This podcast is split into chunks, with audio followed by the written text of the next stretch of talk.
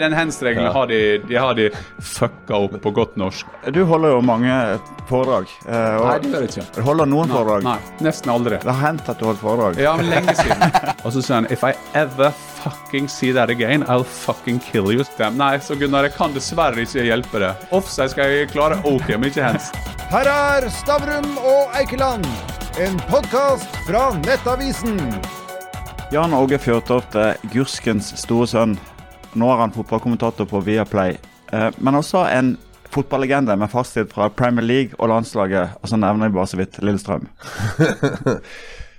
Haaland, hvor stor kan han bli? Jo, jeg må bare rette det med spørsmål allerede. Du må bruke et annet verb. Hvor stor er han? Han er nå en av eh, verdens desidert største fotballstjerner. Riktig. Altså, du sa en gang at uh, Solskjær var uh, Norges mest kjente person. er det riktig lenger?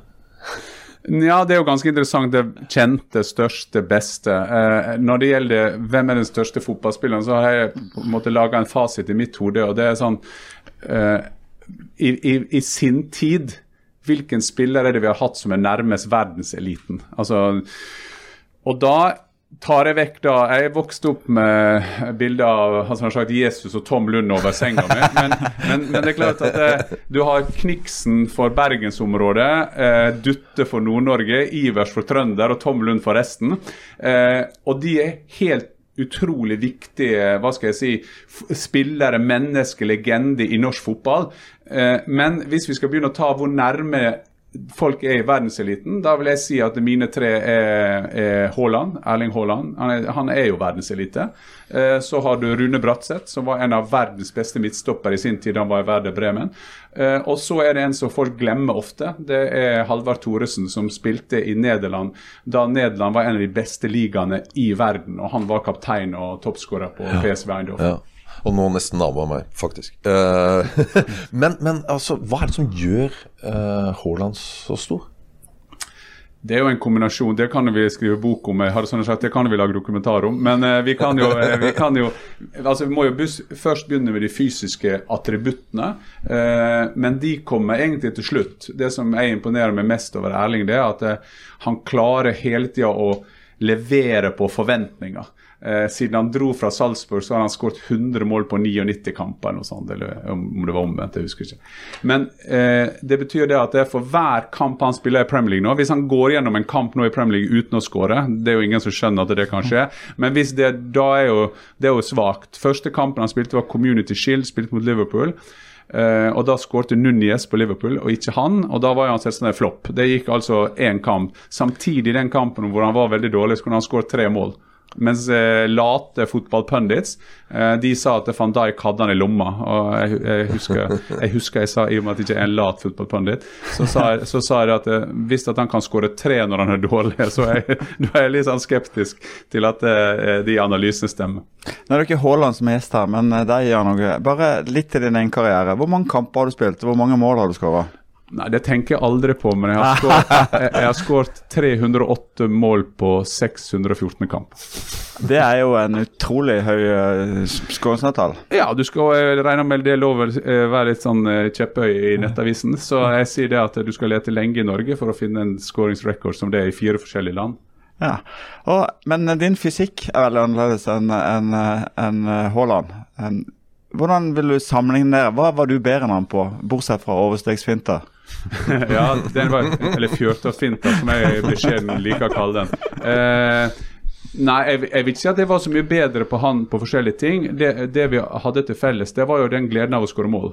Eh, en helt annen lidenskap på å skåre mål. Den tror jeg er veldig viktig å ha. Eh, jeg var en goalgetter med stor G. Eh, jeg var på treninger så ville jeg skåre mest mål. Eh, eh, jeg hadde et mål når jeg spilte fotballkamper, uansett hvilket nivå jeg var på, om det var i Bundesliga, Premier League eller på, landslaget. Hvis ikke jeg skårte målet, så skulle jeg være nærmest den som skårte.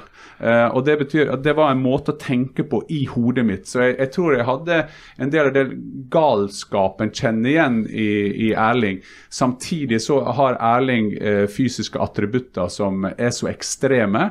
Uh, samtidig så er han som 22-åring kommet så langt mentalt og måten å å, å, å nullstille seg, som det så pent heter, fra hver kamp, at det er helt ekstremt. Men øh, Ja, du, men du, du har jo på en måte vært kjent for å gå den smale vei. Eh, har, det har ikke vært så mange Se og Hør-skandaler i ditt liv. Eh, men du har sett mange andre fotballspillere hvor det har gått galt. Hva er de nå kan du være litt sånn advarende, bestefar. Hva er de største farene for Haaland? Nei, Jeg vil ikke prate om Haaland spesifikt. Jeg kan prate om hva er de største farene for idrettsutøver. Det er jo selvsagt det at det, eh, du har ikke gode nok folk rundt det. Du har bare heiagjeng rundt det. Det tenker jeg gjelder i hver næring. Eh, Så du må ha folk rundt det som prater utvikling. Du må ha folk som prater at det, du må også utvikle deg som menneske samtidig som du er fotballspiller. Eh, det kan godt hende at jeg var heldig at jeg hadde det hjemmefra. Vi vet ikke om det, om det var noen verdier som lå i jeg, Men jeg tenkte alltid det at jeg, eh, Og jeg kan bare bruke mitt eksempel og uten at det er noen fasit. at jeg tenker at når jeg kom, kom til et sted, så måtte jeg være med på å utvikle meg. Jeg var 22 år, var heldig på det tidspunktet å komme til Wien. Wien, det var kultur, det var politikk, det var idrett, det var næringsliv. Og da så jeg med en gang at ja, men disse her var jo en symbiose. ikke sant? Og, og, og, så ville egentlig alle spille på rapid, sånn som jeg gjorde. Det ga meg selvtillit. Og jeg tror det at det, du må ha folk rundt deg, for det er ikke alltid lett når du er i denne boblen selv. At du må ha folk rundt deg som av og til klarer å ta deg ut av det og så se hva du er en del av. Og et av de spørsmålene jeg stiller mest til Erling når jeg intervjuer han, eller andre stjerner også, det er å si at det klarer du å, å gå ut og se hva du er en del av. Eh, ikke sant? For jeg tror det at eh, hvis du da etter fotballkarrieren da ikke har uh, utvikla deg som menneske, da, da er ikke det nok å være utøver. Bare et oppfølgingsspørsmål rundt det. For Hvis du ser på dagens landslag, så er jo det en serie spillere hvor eh, faren var tidligere eh, stor spiller i fotball.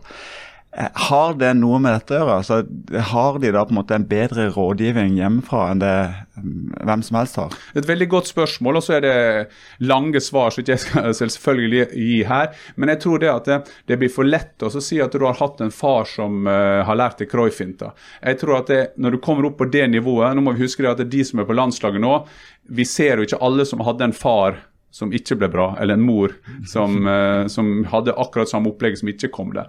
Men jeg tror eh, at det, det der å ha den daglige samtalen, det er enda viktigere. Eller det forsterker jo det at du har en, eh, en, eh, en far som kanskje kan si gå til høyre, gå til venstre, rolig ned, nå vær tålmodig nå, dette går bra. Jeg har jo selv hatt en sønn som, som har spilt i Skottland fram til denne sommeren. og Bare når han har motgang Jeg har jo vært der. Eh, da kan jeg si nå, nå må du bruke denne motgangsperioden til A, bygge det opp, eller B, tenke på at det, når du skal gjøre andre jobber i fremtiden, så kan du tenke at det, hvis, hvis du kommer gjennom det du er nå, der en trener kanskje ikke prater med deg, der en trener setter deg ut av laget, så kan du må bruke det til noe. og det er egentlig det legger under utvikling. Da, at du kan bruke det som du opplever på fotballbanen. For det, Hvis du går bare rundt og prater om eh, fotballfaglige ting, så, så ja, du må, du må sette det inn i den større sammenhengen. Da. Jo, men, altså, men uh, Du var litt inne på det. ikke sant? Uh, det, mange heier på deg. Men altså, jeg vil kalle det ja-folk. Det er jo de som er farlige. Altså, Folk som heier på deg, er egentlig ikke farlige. Altså, det, så lenge de også sier nei og forklarer det. ikke sant? Men her er det snakk om masse penger. Altså, ekstremt mye mer penger enn det var når du var. og Da var det også mye penger. ikke sant? Det er damer, uh, og det er tabloidpressen i England er jo ekstrem. Så frykter du at uh, Haaland kan ja, komme ut på det? Nei. Det er mitt enkle svar. Ja. Fordi at han har et så godt eh, team rundt seg. Men, men av og til så, så drar vi dette ut av eh, egentlig sammenhengen. At vi tror det er bare et fotballfenomen. Vi ser jo stadig i eh, Om det er i Finansavisen eller Dagens Næringsliv eller hos dere, så ser vi mennesker som også omgir seg med feil folk. Som har ja-folk rundt seg, som, som ikke klarer å korrigere. og det er jo nesten, det er jo nesten mer eh, imponerende, har sagt, eller forbausende, når folk som er svært intelli- intelli- intelligent, intelligent eh, og, og intellektuelle, gjør store feil. For det at Du skulle jo tro at de hadde folk rundt det. Og vi ser jo stadig, Hvis politikere går i forskjellige feller, så tenker du men det er jo ingen som har flere rådgivere rundt enn en statsråd, f.eks. Så det er jo bare snakk om generelt hvilket team har du rundt det livet. Noen har du hjemmefra som er privat, som er, eh, om du er heldig å ha en familie som, som er der. Mens noen lager et team rundt det som, eh, som gjør at du, du, står i det. og Det er jo det som har imponert meg mest over Team Haaland. og jeg tenker En av de veldig undervurderte der med, med Alfie sin rolle rundt der. fordi at Han er en koordinator. Han har fra, fra dag én gjort uh, gode valg, og det han ikke har vært god på, det har han henta inn. slik at Det var jo en sånn gjengs oppfatning i Norge også, der, at, at det, var agent assistenten til Erling Braut Haaland. Han var en svært viktig person rundt ham, han hadde ansvar for det han hadde ansvar for. Og så koordinerte eh, Alf det. Og, eh, så det, det, det, er jo et kroneksempel på hvor, hvor bra det kan bra være når du er organisert. da. Du, du, holder jo mange foredrag. Eh, nei, det gjør jeg ikke. Du holder noen nei, foredrag? Nei, nesten aldri. Det har hendt at du holdt foredrag? Ja, men lenge siden. nei, for, nei, men, grunnen, nei, men, grunnen til at det, nei, grunnen til at det går litt eh, rett på det, det er at det, det er altfor mange fotballspillere som løper rundt i norsk næringsliv og holder foredrag og prater egentlig bare piss. Så, eh, så Jeg tenkte jeg skulle rose deg for en god innledning, men det var, men det var egentlig, jeg, jeg, ville ta vekk det skrytet allerede nå. men det var egentlig bare på vei, på vei til noe annet, ja. nemlig at eh, du er i hvert fall opptatt av motivasjon. Ja. Eh, og jeg tenker du, var, du spilte under, uh, under, Drillo. Du fortalte meg en gang, da ikke i et foredrag, om der jeg skulle møte England, og England var storfavoritter. Ja. Fortell uh, peptalken til Drillo. ja, og, og, og, og, det morsomme med, med, Egil det er jo at jeg, jeg krangler jo fortsatt en dag i dag med Egil om han var en god leder. For han vil jo ikke være en god leder. Hvorfor vil ikke Egil være en god leder? Jo, for at da er ikke han så god trener i hodet sitt. For at han mener jo at det er systemet som gjør det. Og nå kan vi prate lenge om hvor den eh, holdninga og filosofien kommer fra. Det skal ikke vi gjøre her. Eh, så jeg har sagt til Egil at hvis du dør før meg, så sier oddsen er jo kanskje at det skjer, men det må ikke skje. Så skal jeg holde den talen i din begravelse, så sier du en god leder. Bare sånn så du vet det. Men, men ja, det er helt riktig. Vi spilte mot England i 1993 eh, på Holbergs plass, hvor vi alltid var på, på SAS-hotellet der. Jeg har bodd ett år av mitt liv, har jeg regna ut, på, på Holbergs plass. Og da spiller vi mot England, og hele resepsjonen er full av uh, folk som det er jo ingen som skjønner, um, minst oss som spiller, at vi var i ferd med å kvalifisere oss til et VM. Vi skal møte England. Vinner vi mot England, og så skulle vi spille mot Nederland tre-fire dager senere, så var vi godt på vei til VM. Og, og, og England har et godt, veldig godt lag. Og Egil går gjennom hver enkelt, som han alltid gjorde, spillere på laget. Så sa han f.eks. om Uh, David Platzan han er verdens beste fotballspiller. Uh, nei, verdens dyreste fotballspiller, men jeg syns ikke han er noe særlig. Han har så mye svakheter. Altså, og så spiller heldigvis Paul Gascoigne, uh, og engelsk presse var utrolig opptatt av om han skulle spille. Han spiller heldigvis, og fordi at han er sånn og sånn og svak og svak. Og Så gikk han gjennom alle spillerne og fant svakheter på alle. Og når vi da skulle gå, og da var jo noen av oss hadde jo hørt dette spillermøtet 200 ganger, eller iallfall mange ganger, så var vi på vei ut, og så blir Egil stående igjen, og så ser han opp på den tavla. Og vi er på vei ut, og så sier han 'gutter, gutter'. Vent litt, vent litt. Og så tenkte vi åh, nå er det et eller annet cornertrekk eller en eller annen overgangsfase som han skal poengtere. Og så ser, han, så ser, han, på laget til England og så sier han nå må ikke vi undervurdere engelskmennene.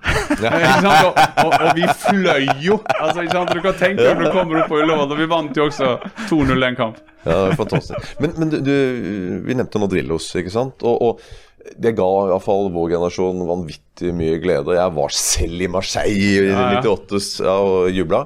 Eh, tror du vi kan oppleve noe lignende med den gjengen som, som er der nå? Ja, det må jo vi tro. Eh, så er det vel sånn at det er jo mest unikt å tenke på hvorfor er ikke vi så gode som den gangen. Spørsmålet er jo egentlig hvorfor var vi så gode den gangen. For det var jo, når vi kvalifiserte oss i 94, så var jo det første gang siden 1938 at Norge hadde vært i VM. Men det som jeg liker nå eh, Jeg hadde en sånn sekvens eh, med denne Haaland-dokumentaren. Så satt jeg sammen med Sander Berge, Martin Ødegaard og Erling Braut Haaland, og så satt vi og prata om forskjellige ting. Og når jeg da kjørte fra det møtet eller den, den, praten. Da ringte jeg en kompis og så sa jeg at det, nå er det første gangen siden jeg ga meg at jeg savna fotballen. Eh, og det er for at jeg, jeg har egentlig aldri savna Eller egentlig, jeg savna ikke å spille fotball, eh, men, men, da forsto jeg hvor gøy de syns det var å være sammen. Altså, De, de, de syns det var bare utrolig gøy. Og der er det en som er Sheffield United, men som kan komme til en annen klubb. Du har Arsenal-kaptein, Erling Braut Haaland, som er nå en av de hotteste spillerne. Men så gleder du deg sånn til å være sammen med kompisene dine for landet ditt. Og jeg tenker det at hvis vi det ligger noe sånn potensielt der rundt om. For jeg tror at det er grunnen til at dere hadde den gode følelsen, jeg hadde den gode følelsen, sammen med ti andre fra bygda i Norge, for vi var jo bare fra bygda. Og det gjorde noe med den stoltheten, at vi, vi, vi representerte noe mer enn oss selv. Ja, det er en klisjé, men det var sånn den gangen. For det var bare at vi var gode på ski, og vi var, oi, vi var plutselig litt gode i friidrett, og plutselig ble vi gode i alpint. Det er jo helt utrolig på 90-tallet. Men fotball Altså, hva, hva, er det som skjer? Og det gjorde noe, tror jeg, med stoltheten til uh, folk. Og uh, jeg pleier å si, som, når jeg begynte å bli sånn som de sa Eggen, som siterer meg selv, men jeg pleier, jeg, jeg pleier, å si til meg selv at det Gursken blandakor, uh, som er da fra bygda mi, som besto av folk med gjennomsnitt alder på 70, de har flytta øvinga si to ganger i, i sin 100 år gamle historie. Det var når Dynastiet gikk på TV, og Norge spilte landskamp. Så jeg, jeg tror det hadde litt innvirkning. Men du, i et av de ytterst få foredragene du holdt i ditt liv, så starter du med å gå gjennom eh, Jeg tror det er ni lag eller noe sånt du har spilt for. Eh, elleve, kanskje. 11. Og så snakker du om lojalitet. Og mm. For å spørre et fanspørsmål. Hvorfor henger det så fast at man ikke kan bytte fotballag som fan, når man kan bytte fotballag som eh, spiller, trener, supporter, whatever? Godt spørsmål, faktisk. Uh, ja, og du, det gamle uttrykket du kan bytte lag Du kan aldri bytte lag, men du kan bytte kone. Og det er jo, det er jo noen som gikk i den eh, fellen. Um, nei, lojalitet sitter jo Altså, det der det å heie på et lag skal være lidenskap. Det skal være ofte en sånn religiøs opplevelse. Spesielt i utlandet. Det er jo sånn at det, det skjedde den gangen at det er. Ikke sant? Og Ofte kan du se på alderen hvem du heier på. Altså, Vi er jo fra et sted, men engelsk fotball for vår generasjon, så er det litt med alder. For at jeg er født i 67. Når jeg begynte å lese tabeller, da var Leeds nummer én. Lillestrøm rykka opp med Tom Lund. Ok, da ble det for meg. Og så kunne det være noe da i sju-åtteårsalderen. Så kom noen litt senere, da var det Kevin Keegan. Og så var det kanskje Ole Gunnar. Eller så var det Erik Torstvedt gikk til Tottenham. Så det, det er noe med lidenskap og lojalitet Paradokset er når jeg har begynt nå å jobbe for meg selv, eh, som jeg har holdt på med nå i 20 år, de kundene eller de folkene jeg jobber sammen med, de har jeg vært sammen med i 10-15 år. Så eh, det også, hvis jeg hadde hatt mange foredrag, så hadde jeg da, da hadde jeg lagt inn det at eh, lojalitet kan også kjøpes. Men, men, men eh, hvilke lag heier du med nå, da? For det virker som om du har bytta hele veien. Nei, jeg har ikke bytta. Ja, jeg bytta klubber hele tiden, men, men ja. du, du, du, det er et ganske sårt punkt. det der, fordi at jeg, jeg vokste jo opp og er Leeds United, og det er Leeds United som er favorittlaget mitt, for det skal ikke du bytte. Men når du da spiller for Sheffield United, som har eh, sin hovedrival Leeds United. Jeg spilte mot Barnsley, hvis hovedrivalet var Leeds United. Middelsbrå eh, var stort sett hata Leeds United. Så var jeg iallfall litt rolig noen år. Jeg holdt, jeg holdt unna. Altså, ja, Men Solskjær var jo Liverpool. Så det, ja, det er mange, og, og spesielt i, i, Liverpool er jo det både vel Jamie Carriager og Michael Owen som ble Liverpool-legende. Begynte jo allerede som Everton-supporter. Ja. Er det lov å holde med, med flere lag? Da tenker jeg flere divisjoner og i flere land? Kan du holde med Ja, det syns jeg. Ja. Jeg syns det. Altså, jeg syns, du, jeg syns man bør ha et tysk lag. Ja. ja ikke sant? Og så bør, man, bør man alltid følge hjemlaget sitt. Sånn, så jeg vil, jo, jeg vil jo alltid følge Hødd. Ikke sant? Mm. Det er det nærmeste laget som jeg har. Mm. Eh, og så er det mange som er forbanna på meg, da, for at jeg sier jo at det, men sunnmøringen i meg vil jo at Ålesund skal redde seg. Men det syns du en del av Hødd-fansen er jo en hel katastrofe. Og det er jo sikkert sånn på Sørlandet med Start og Jerv. Ja, altså, der heier vi jo på Start, gjør vi ikke det, Gunnar? Hæ? Eller hva? 30. oktober. Han er sviker. 3. oktober, Start-koppa. Det holder ikke med Start, for å si det sånn. Sviker, sier jeg bare. Men ok, vi, men nå har vi vært mye fotballprat her, men vi må også litt politikk. Ja. Og eh, altså sportsvasking mm. eh, Det har jo alltid vært viktig for eh, Hva er sportsvasking? Altså Det er diktatoriske regimer som eh, bruker sporten for å renvaske rett og slett eh, det de holder på med. Så, okay. for å si det sånn. Og, og, ikke sant, Du hadde jo Hitler gjorde det jo med OL på 30-tallet. Du har jo hatt eh, Ja, Kina har jo hatt masse OL nå. Nå har du jo alle disse Midtøsten-selskapene, så nei, landene som diktatorene som eier bl.a. City. Mm. Er det et problem? Oi. Ja, det igjen kan vi skrive bok om det, for det er jo veldig komplekst. Men ja, så selvfølgelig er det et problem. Det som er og, og, selvfølgelig skal journalister spørre om det. Uh, selvfølgelig skal man undersøke dette. Selvfølgelig skal man uh, offentliggjøre alt som finnes der. Så hvis vi tar det litt utover boblen, da, så syns jeg, i og med at jeg er her som tidligere landslagsspiller, så skjønner jeg at dere vil ha en inngang på, på det som er nå rundt Haaland. Eh, så det er helt greit at det spørsmålet stilles. Det som jeg ser når vi, når vi tar det hele samfunnsperspektivet, da, så syns jeg det var ganske illustrerende på det som skjedde på pressekonferansen i går.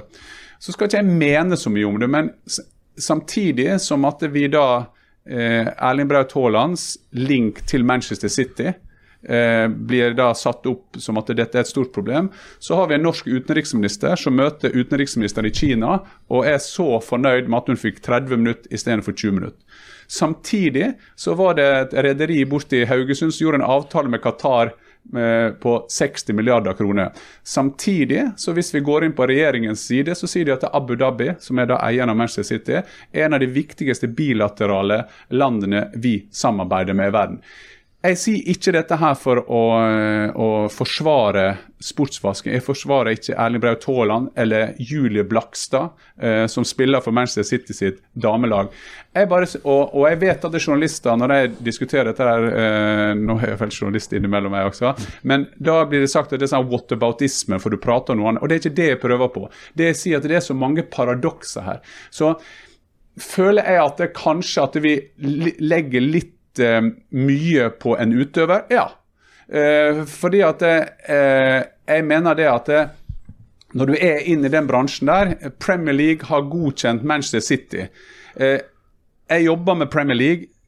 Jeg skal gjerne, og jeg, jeg, jobber jo også med veldig hardt for å få prate med eieren i Newcastle. Jeg har så lyst til å prate med eieren i Manchester City eh, for å diskutere de tingene her så syns jeg det er helt greit at man, eh, man konfronterer dem, men jeg syns at vi skal ta det i en sånn, litt sånn bredere kontekst. da, Hvor er det grensen går? Og Det er mitt litt lengre svar på alt det der. Men, men at det er sportsvasking, eh, og det ser du både med Fifa, IOC Det er jo ikke tilfeldig vi, eh, hvor eh, mesterskapene blir lagt, naturligvis. Det er jo en kombinasjon av sportsvasking, og så er det også en måte å, å vaske penger. For det er jo mye bedre å sende eh, de store idrettsforbundenes penger til et land der du kan fordele litt, litt ut til alle de eh, lederne som jobber frivillig.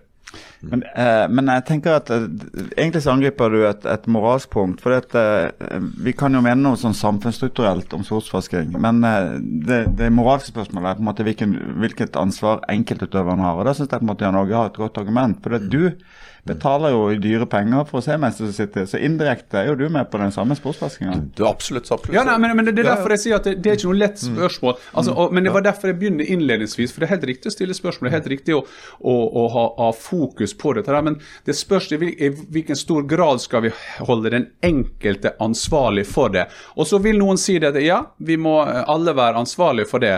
Eh, mens noen har rettigheter, noen reiser ned og dekker det. og så Vi kan alltid finne sånne cover stories eh, for å gjøre det. Og jeg husker eh, det Første gang jeg reagerte på det, så var det eh, da svenske kulturministeren skulle ikke dra på åpningen i Sotsji, samtidig som Sverige akkurat hadde solgt våpen til, til Russland. Og så sier jeg at det, jeg har ikke noe svar på det. Jeg bare sier at det, det er noen sånne paradokser her som, som jeg syns er ganske viktig at man, man da eh, diskuterer. og jeg blir jo sånn av og til eh, Jeg syns at vi, vi, gjør det bare for hverandre. Man, hvem er det man jobber for å overbevise?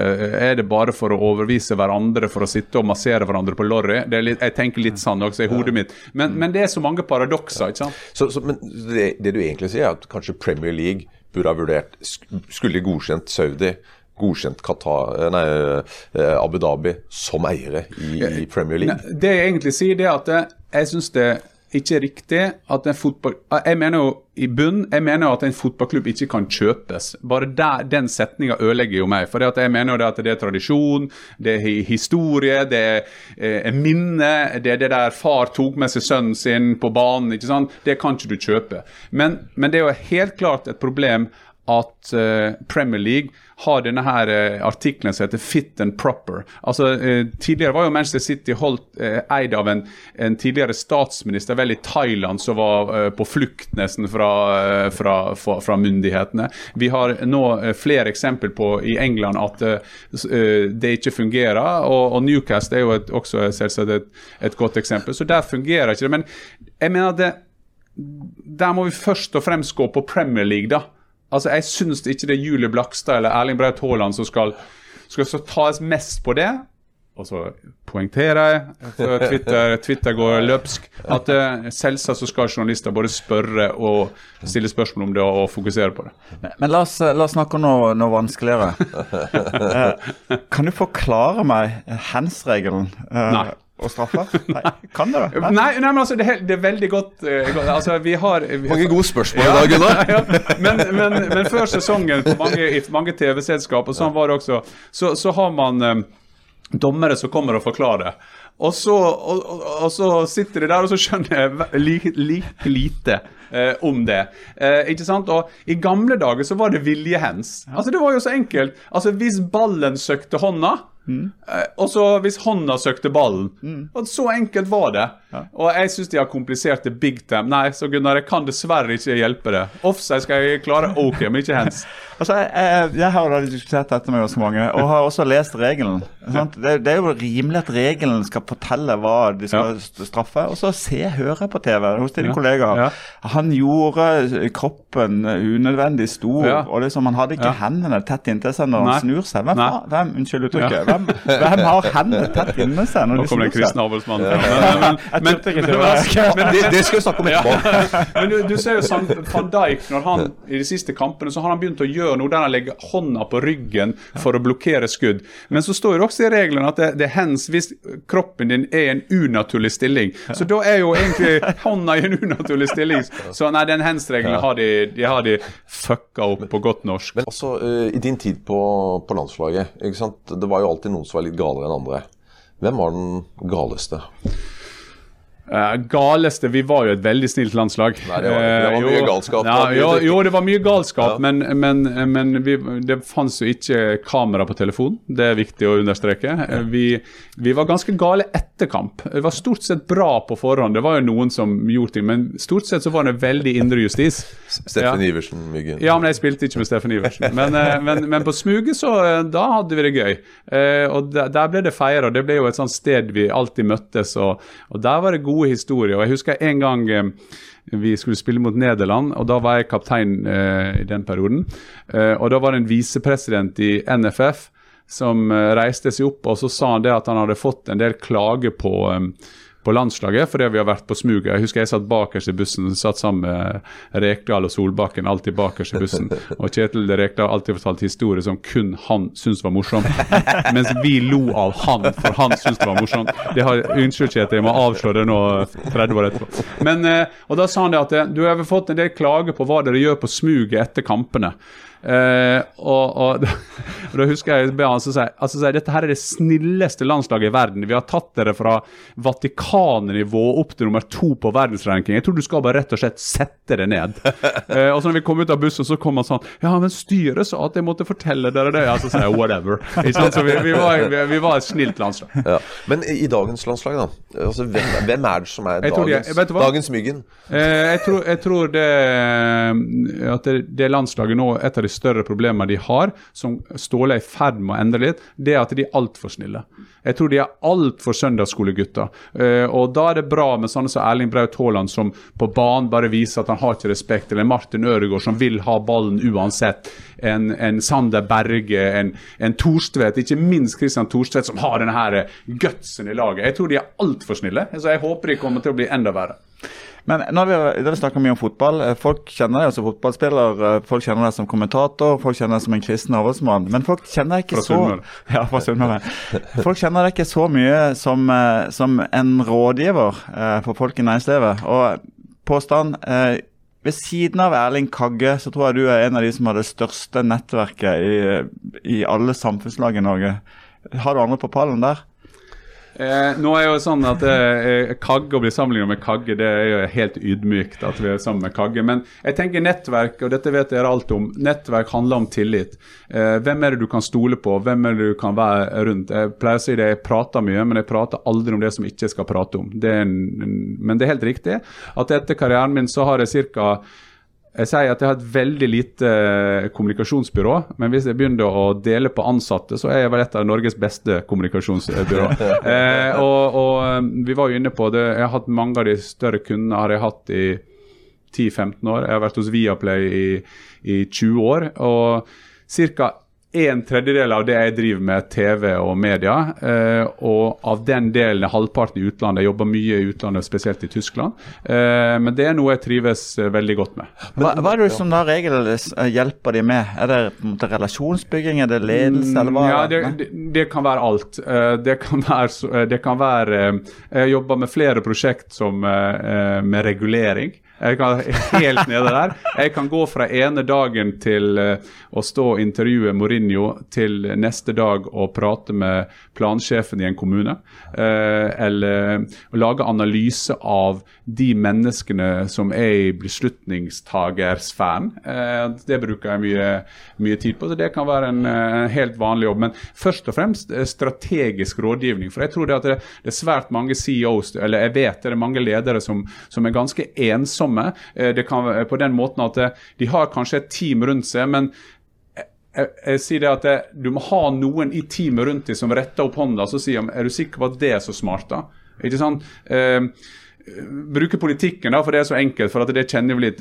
F.eks. når, du, når eh, Jonas Gahr Støre foran eh, storting, ikke dette stortingsvalget, men forrige, da fant han ut, vi så jo på denne filmen, hvem er det som da retter opp hånda og sier mm, jeg tror ikke du skal angripe Erna for å være, ikke være snill. For jeg tror folk i Norge opplever hun som hun er ganske snill. ikke sant? Altså den type ting. da, sånne, sånne helt sånn, Vi gjør 30 000 valg i løpet av en dag. Noen valg er litt større enn andre, som har store følger. og Da, da eh, tror jeg at de som jobber med det, må jo man spørre dem om, men, men de liker å ha han som da eh, strategisk tenker. Og Jeg bruker veldig veldig, veldig mye tid på, på å oppdatere meg på kunnskap. For det er jo den som kan gi best råd, det er jo den som vet mest. Eh, Men, kunnskap, verdens største eh, råvare, var Gordon Gekko. men, men altså på siste landslagssamling, da var jo du hjemme hos Øystein Staispetal Dette så jeg på sosiale medier, så, så det er jo offentlig. Der var jo Jon Carew, der var Alfie Haaland og sånt noe.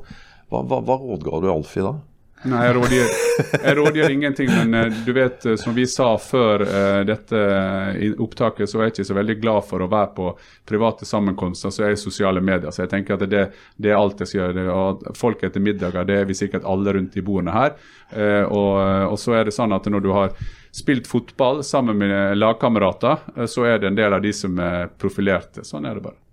Men vi kan ikke avslutte dette intervjuet uten et, et skikkelig provoserende kritisk spørsmål. Oi. Da må jeg avslutte med det. Eh, hvor mange straffer filmer du deg til? Uh, Godt spørsmål. det, det Paradokset er at når jeg kom til England, så første kampen jeg spilte Eller første kampen jeg spilte mot Liverpool, så prøvde de liksom sånn halvveis filme eh, Da var jeg 27 år. eh, med, og da kom Neil Ruddock bort til meg. Og så sier han If I ever fucking see that again, I'll fucking kill you, han til meg. Så, så jeg kan i hvert fall si at jeg gjorde ingen etter jeg var 27 år. Eh, men, eh, og paradokset er jo også det at eh, som alle andre så har jeg gjort veldig mye dumme ting når jeg var eh, yngre, eh, og dette er en del av det. Eh, og nå tar jeg fullstendig avstand både av min egen filming den gangen og det jeg gjorde og, det, og det jeg ser nå på, på fotballbanen. Så er jo det noen sånne tvilstilfeller her, og jeg skal fortelle dere om det del gråsoner. Det er jo f.eks. det Jeg kan ikke huske nå eh, direkte noen jeg har filma, uh, og jeg husker veldig mye av min karriere. Men, eh, men, men, jeg, men som spiss er det også sånn at det, du ser Det er sånn godfølelse, egentlig, som spiss. Det er at når du ser du når ballen akkurat før keeper, eh, og så vet du at keeperen kommer til å felle det. Det er en ganske fin følelse. For da, da vet du I will get away with. Det er ing, ingen dive, det er ingen filming, men du vet det er straffe også. Eh, så det har jeg diskutert mye med Grodås, som er blitt lyn forbanna når vi har diskutert de eh, tingene. Det er den gamle landslagskeeperen. Eh, eh, men jeg har helt sikkert gjort en del dumme ting eh, i min yngre karriere, så hvis det var det eneste du kom opp med, så er jeg egentlig fornøyd med dagens podkast. Du fikk Stavrum og Eikeland, en podkast fra Nettavisen.